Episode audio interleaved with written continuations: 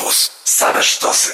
Kręte ścieżki, witam, witam, Mateusz Kubiak z tej strony e, i e, będzie z nami gość, którego możecie pamiętać stąd, że swego czasu e, opowiadał jak się biega maraton na Spitsbergenie i dziś opowiemy sobie o też takim nietypowym miejscu, gdzie można sobie pobiegać, a mianowicie o jeziorze Bajkał.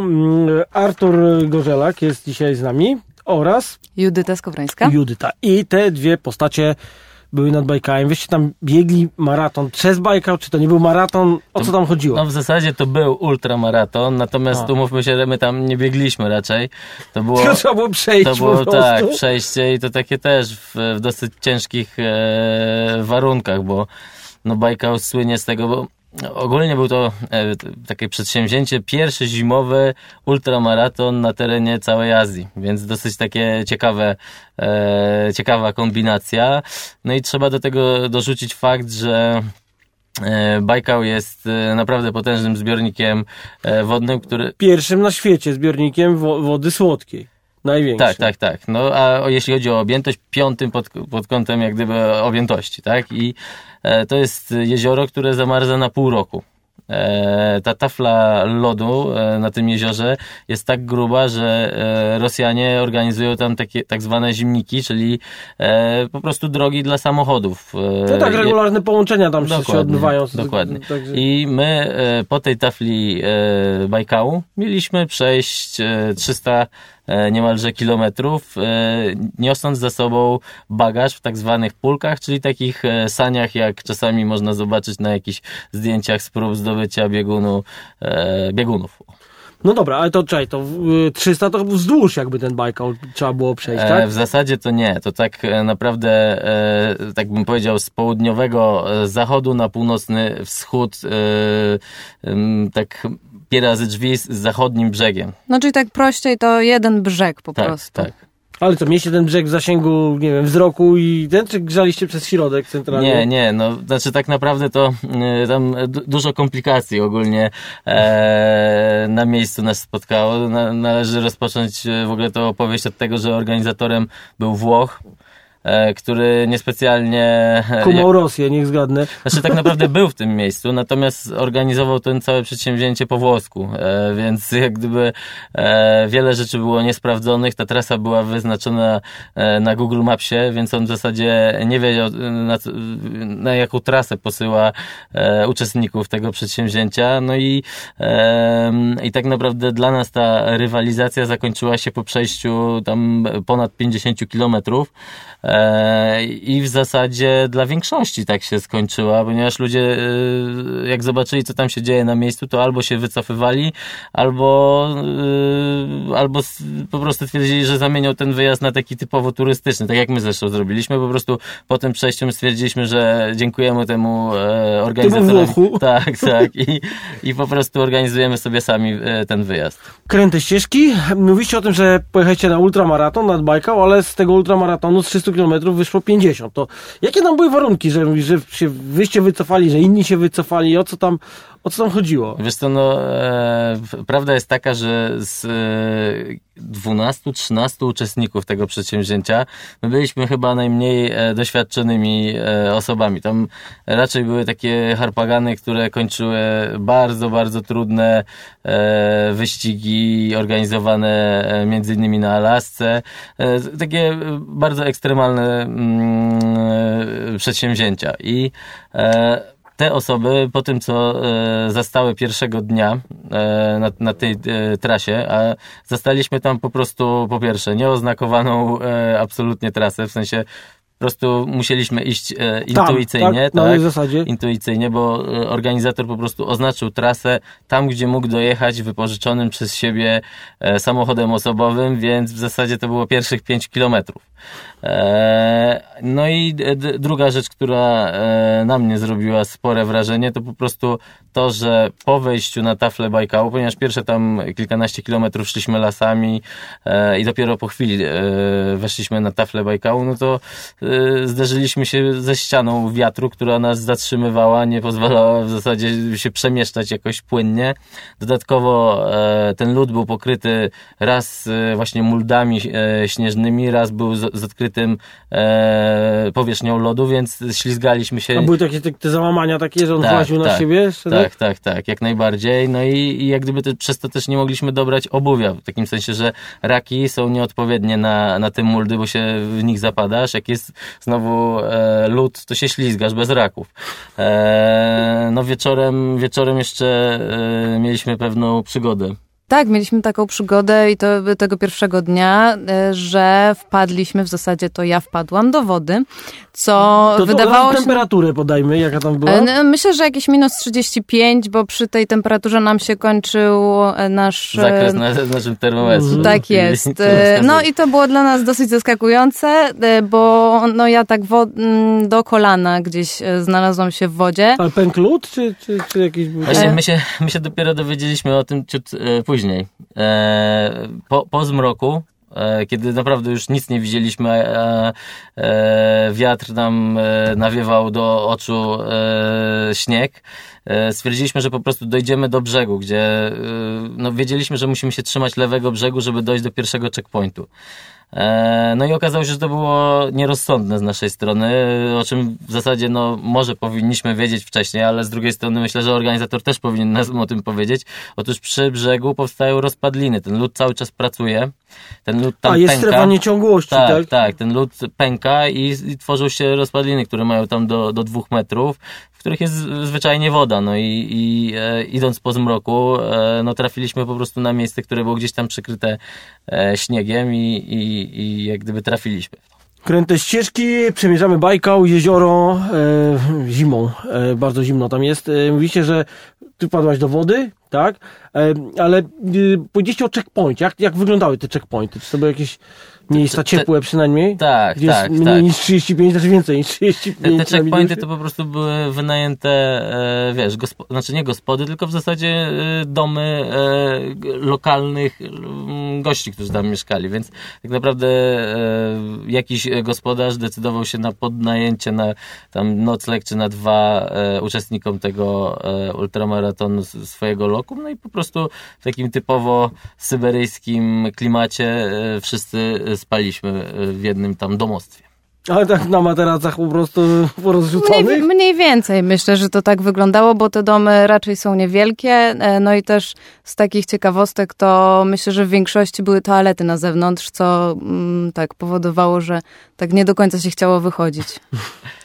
Ale też z drugiej strony były pozytywne takie aspekty, bo na przykład e, no, jedzenie były nam przygotowywane przez, e, przez panią gospodynię. A, ciepłe. Tak, no pielemieni, czy tam jakieś e, kotlety mielone, w sensie chodzi mi o to, że rzeczywiście no, e, jest, było to jedzenie, które, e, które jedzą lokalni, e, lokalni po prostu. Natomiast jeszcze wracając do, do tych toalet, o których wspomniałaś, to też e, jedna rzecz, z których się cały czas śmialiśmy w zasadzie, to to, że rzeczywiście tam wszędzie królują sławojki, ale w każdym sklepie, niezależnie gdzie jesteś, masz terminal e, płatniczy. Za, Naprawdę? wszędzie zapłacisz kartą, ale wiesz, także... No, to się nazywa z, e, wzięcie z globalizacji tego, co nam się podoba. tak. Tak, No dobra, słuchaj, ale najbardziej mnie interesuje to, że mm, powiedzieliście, że nie, nie dotrwaliście jakby do końca, tak? Jak to, jak to wyglądało? Kiedy się zdecydowaliście, że jednak odpuszczacie tutaj bieganie po Bajkale? No w zasadzie po pierwszym dniu e, się okazało, że e, zostaliśmy zdyskwalifikowani. Bo nabroiliście E, coś? z, d, nie, no, nabroiliśmy tyle, że e, po, po tym mm, wypadku e, pierwszego dnia, czyli po, tym jak wpadłam do wody, to zdecydowaliśmy się, że zadzwonimy po e, jakąś pomoc, bo nie wiedzieliśmy w zasadzie, jak się e, ten organizm zachowa przy takim mrozie i w połączeniu z wodą. E, No i to spowodowało te dyskwalifikacje. Mm, I w zasadzie na tym to się skończyło. Mieliśmy tam jeszcze jakieś takie przepychanki słowne i próby jakichś negocjacji, natomiast chyba dla własnego spokoju zdecydowaliśmy się na opuszczenie włoskiej grupy, bo tam y, głównie byli, byli Włosi. Włosi. Natomiast my nie byliśmy jedynymi zdyskwalifikowanymi. Ten organizator stwierdził chyba po prostu, że nie, widzi, że, widział, że nie, widział, że się dźwignie tego, tak, więc po prostu później już wyznaczał, ty jesteś zdyskwalifikowany, kończysz. I tak naprawdę e, ukończył ten wyścig jeden gościu. W sensie jedna osoba nie została zdyskwalifikowana i, i e, zakończyła ten, e, ten maraton. Natomiast też trzeba e, przyznać, że ja na przykład e, cały czas się zastanawiam, co ta osoba ma w głowie, w takim sensie, że to jest naprawdę e, taki freak freaków, bo to jest osoba, która po, mm, po ilu? Po 16 godzinach marszu po zmroku dotarła do tego pierwszego checkpointu, zjadła jakiś posiłek, i, I ciemną nocą poszła dalej. I ja powiem szczerze, nie wiem, co kieruje człowiekiem, jak gdyby wyruszył sam, prawda? Więc też no, to trzeba mieć odpowiednie zacięcie albo naprawdę mocną motywację. Albo żeby... nierówno pod sufitem. Tak, tak. A słuchajcie, a to jak wyglądała ekipa ta, w której wyście, wyście szli w takim razie? Ja myślałem, że to jakaś polska grupa była wasza, a tutaj mówicie, że byście dołączeni do jakiejś innej... Tak, to, była, to było e, dziesięciu, e, jeśli ja dobrze pamiętam, dziesięciu Włochów, jeden Hiszp dwóch Hiszpanów i jeden Irlandczyk. I wy, tak? I my, tak. tak. Dobra, i co, i takich grup było ileś, czy... Nie, czy... To, była jed... to była całość, e, wiesz, startu. Aha, czyli to ile Tak, tam było, było tylko 15, 15, tak, 15 tak. startujących e, i to w zasadzie była taka edycja w ogóle zero tego wyścigu. E, I dlatego też chyba było tak mało osób. Zresztą myślę, że przy tych warunkach to e, więcej niż te 15 to byłoby Nie ciężko się. ogarnąć. To jest ciężko logistycznie mhm. też, wiesz, dotrzeć do Irkucka, który, no jak się chociażby popatrzy na mapy Google, to jest, to jest naprawdę taka środkowa Azja i to tak bardzo daleko położona. Więc, więc logistycznie ciężko tam dotrzeć. Kręte ścieżki, powiedzmy sobie, co można zrobić nad Bajkałem, jak się zostało zdyskwalifikowanym w ultramaratonie. No i co byście zrobili wtedy? No, mieliśmy to szczęście, że spotkaliśmy e, Ilię, to był pomocnik e, organizatora, tak naprawdę osoba wynajęta przez niego, a mieliśmy jeszcze to szczęście, że Ilia jest Rosjaninem, który się wychował w Polsce, Wyjechał e, do Niemiec na studia, a teraz mieszka we Włoszech, więc jest to osoba władająca kilkoma językami, w tym polskim, więc się z nami swobodnie e, komunikował. I tak naprawdę Ilia prowadzi gospodarstwo, można powiedzieć, agroturystyczne nad Bajkałem i on się zaopiekował e, osobami zdyskwalifikowanymi bądź osobami, które już nie chciały dalej uczestniczyć w tym, e, w tym przedsięwzięciu. E, my się udaliśmy e, jego samochodem, takim klimatycznym łazem e, do takiej miejscowości Buguldejka, e, w, której, w której on ma właśnie tą, tą swoją działalność prowadzi. No i tam widzieliśmy najpiękniejsze chyba oblicze Bajkału podczas tej naszej wycieczki. Naprawdę tak pięknie popękany lód z zamrożonym zamrożonymi tymi e, bąbelkami. E, korzystaliśmy też e, z ruskiej bani.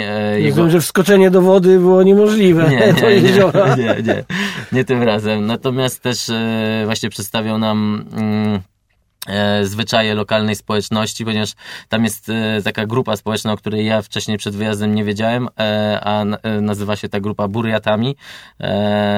Można powiedzieć, to jest taka no nie chcę tutaj używać złych słów, ale taka rosyjska odmiana Mongołów, tak bym to e, No jak powiesz ruskiemu, że z Burjatem, to dostajesz w głowę, tak, no, tak, mówiąc tak. krótko. e, więc no, e, bardzo, bardzo ciekawa e, ciekawy element naszej wyprawy, ta e, e, możliwość obcowania z Burjatami. No i ponieważ mieliśmy troszeczkę czasu do naszego lotu powrotnego, no to zaczęliśmy podróżować dookoła Bajkału. Również e, skorzystaliśmy z e, opcji podróży koleją transsyberyjską. A to w ogóle powiedz mi, tak razie jak do Irkucka się dostaliście, bo to jest ciekawe, czy dolecieliście, czy, do, czy do, dojechaliście pociągiem? Dolecieliśmy znowu jakimiś tam rosyjskimi liniami lotniczymi przez Moskwę i to było dosyć proste w sumie. No tak, bo to jest Warszawa, Moskwa, Irkutsk, tak? Tak jest. A koleją transsyberyjską gdzie jechaliście? Wokół Bajkału? Do Ulan Ude się wybraliśmy. Czyli, czyli wyruszyliśmy z Irkucka, I, I wpadliśmy na taki szalony pomysł, e, że po prostu e, jak dotarliśmy do dworca w Irkucku z samego rana, to stwierdziliśmy, że zobaczymy, w którą stronę jedzie najbliższy pociąg i wtedy zadecydujemy, czy jedziemy na wschód, czy na zachód. Bardziej nam pasowała ta opcja wschodnia, bo, bo kolej fajnie objeżdża, Objeżdża, ten, tak. objeżdża bajką, więc jak gdyby na, na nasze szczęście trafiliśmy akurat na, na ten kierunek wschodni i pół dnia spędziliśmy właśnie w, w pociągu do Ulan-Ude.